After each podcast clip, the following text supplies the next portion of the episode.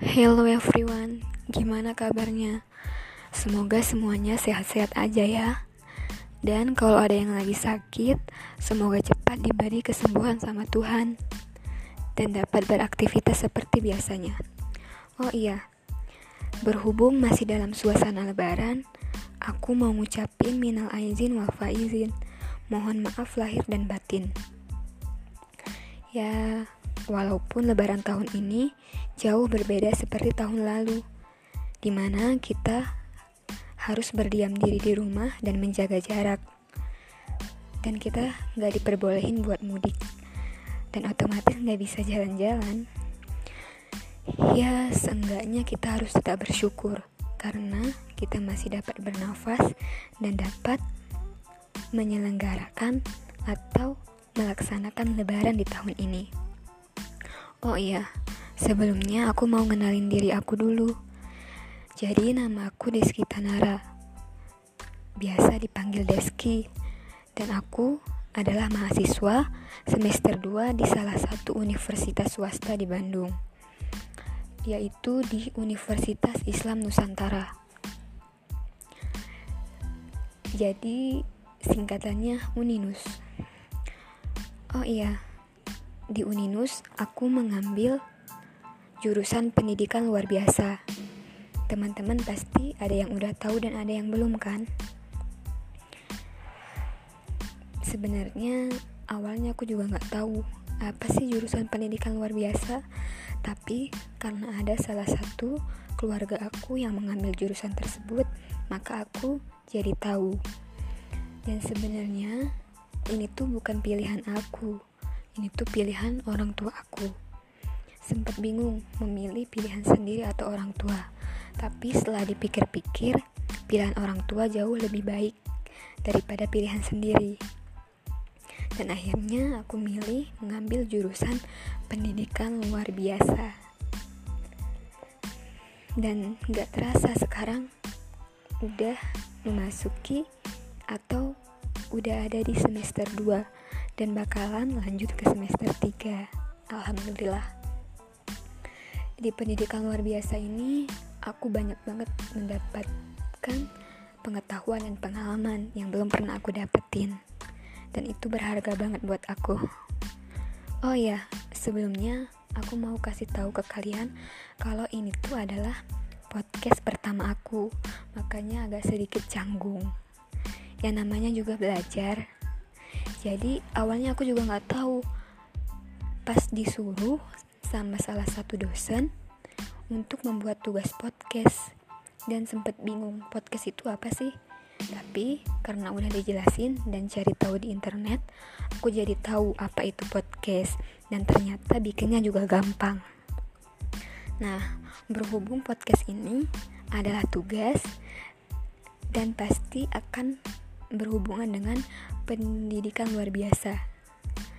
Nah, di sini aku mau berbagi ilmu ke teman-teman tentang seputaran pendidikan luar biasa ini.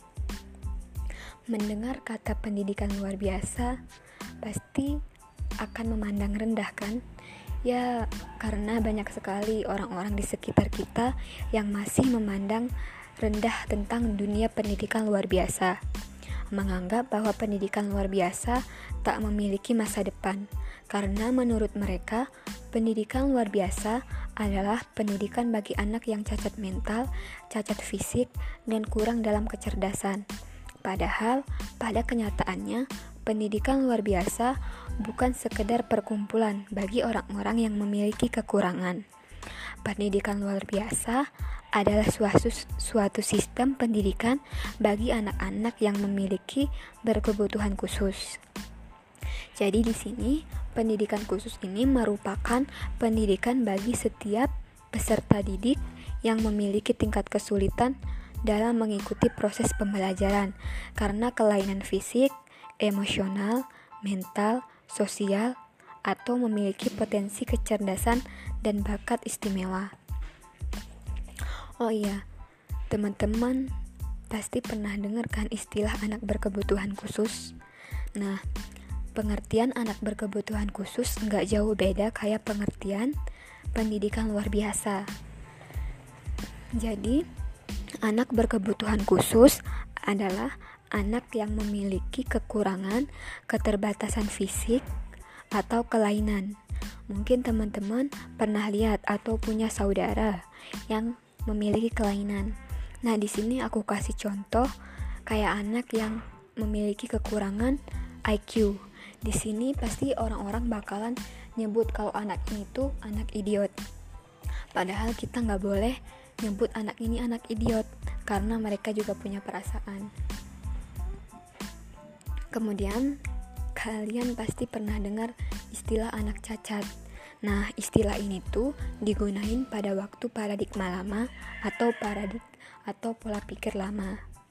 Dan sekarang udah menjadi paradigma baru atau pola pikir baru. Dan istilah anak cacat tersebut diganti menjadi anak disabilitas atau difabel.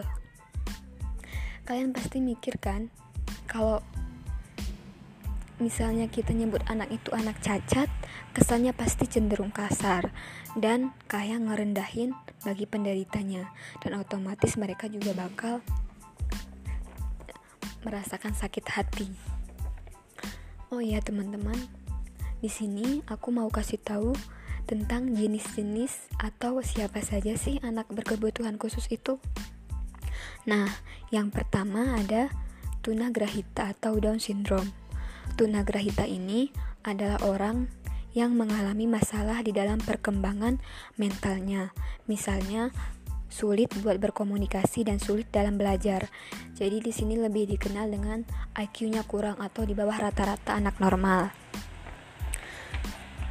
Kemudian yang kedua ada tunanetra. Istilah tunanetra ini adalah istilah bagi anak yang mengalami gangguan penglihatan atau kebutaan. Kemudian yang ketiga ada tuna rungu. Tuna rungu ini adalah sebutan bagi anak yang mengalami gangguan pada pendengarannya. Istilahnya yang sering kita sebut itu tuli. Yang keempat ada tuna laras. Jadi tuna laras adalah anak yang mengalami masalah atau kelainan pada alat gerak tubuhnya. Kemudian ada autis atau autisme. Jadi ini adalah gangguan perkembangan anak yang disebabkan oleh adanya gangguan pada sistem syaraf pusat. Jadi di sini misalnya kalian pernah lihat di TV atau langsung ada anak yang menyendiri atau di pojokan. Dan anak itu kita nggak boleh sembarangan ganggu karena kalau misalnya kita ganggu atau kita deketin dia mau marah dan terkadang juga mau mukul kita. Dan sebaiknya kita diamin aja Kemudian yang keenam ada gifted.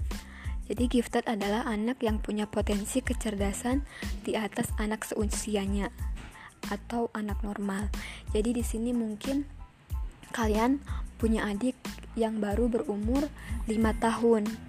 Tapi anak ini tuh udah bisa menguasai materi pembelajaran buat anak usia 7 tahun.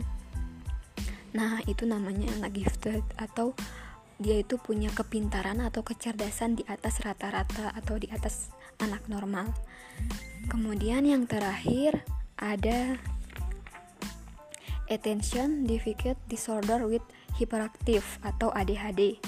Jadi ADHD terkadang lebih dikenal dengan istilah anak hiperaktif. Jadi anak ini tuh nggak bisa diem, bergerak dari satu tempat ke tempat yang lain. Anak ini tuh nggak bisa duduk di, diam di satu tempat selama kurang lebih lima menit. Nah contohnya tuh kayak ada anak yang misalnya udah duduk di di kursi terus belum sampai lima menit udah pindah ke ruang tamu. Belum juga di situ udah pindah ke sini ke sana ke kamar lah.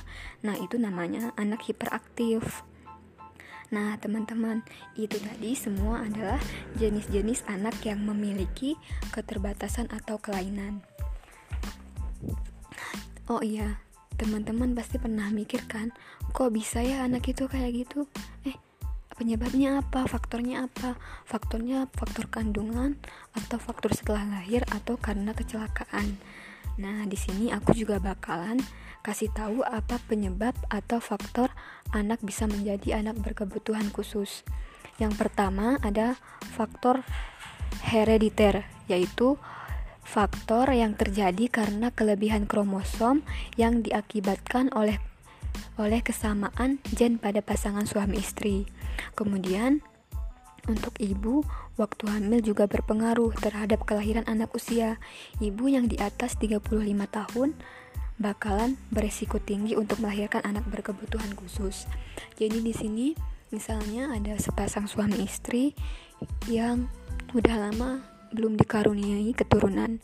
Nah, di usia ibu itu sudah 35 atau 36 tahun, ibu itu sudah mendapatkan keturunan tetapi otomatis akan berisiko tinggi untuk melahirkan anak berkebutuhan khusus.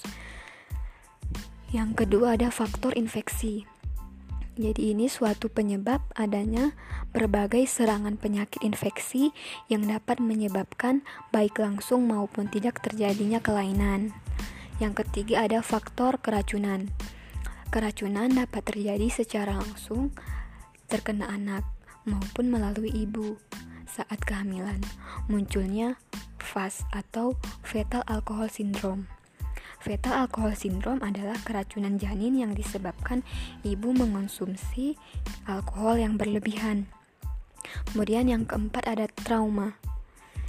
Kejadian tidak terduga yang langsung terjadi pada anak seperti proses kelahiran yang sulit sehingga memerlukan pertolongan yang mengandung risiko tinggi dan mengakibatkan anak tersebut kekurangan oksigen pada otak, dan yang terakhir ada kekurangan gizi. Pada masa tumbuh kembang sangat berpengaruh terhadap tingkat kecerdasan anak, terutama pada tahun pertama kehidupan.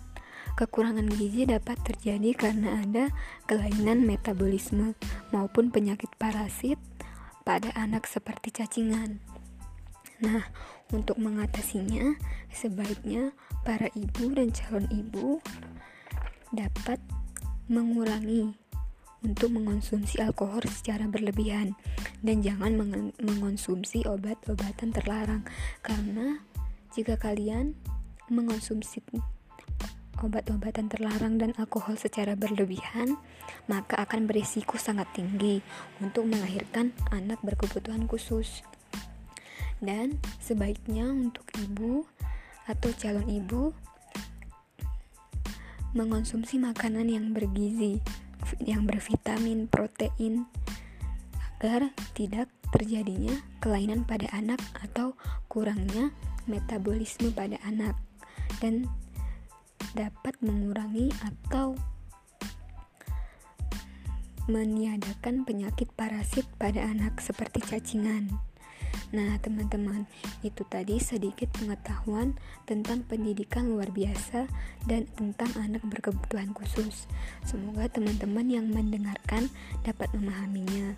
Dan dan aku berharap dan mungkin orang-orang di luar sana juga berharap agar orang-orang di bumi ini tidak membedakan anak berkebutuhan khusus, tidak mengatakan bahwa anak itu aneh, mereka bukan aneh, tetapi mereka istimewa. Nah, teman-teman, itu tadi sedikit pengetahuan yang aku kasih tahu ke kalian. Semoga bermanfaat. Aku juga belum mendapatkan pengetahuan yang banyak, tapi sedikit pengetahuan yang aku dapat, aku dapat berbagi dengan kalian. Oh iya, semoga buat kalian yang mendengarkan podcast ini dapat memahaminya. Dan aku ucapin banyak terima kasih buat kalian yang udah mau meluangkan waktu dan bersedia mendengarkan podcast ini. Dan ini tuh excited banget buat aku karena ini adalah podcast pertama yang aku buat kayak yang aku kasih tahu ke kalian sebelumnya. Nah teman-teman sekian dulu pengetahuan tentang pendidikan luar biasa dan anak berkebutuhan khusus yang aku sampaikan ke kalian. Mungkin di lain waktu aku bisa berbagi pengalaman dan berbagi ilmu sama teman-teman semuanya. Semoga pandemi ini cepat berakhir dan kita dapat beraktivitas seperti biasanya. Semoga kita sehat selalu ya. Assalamualaikum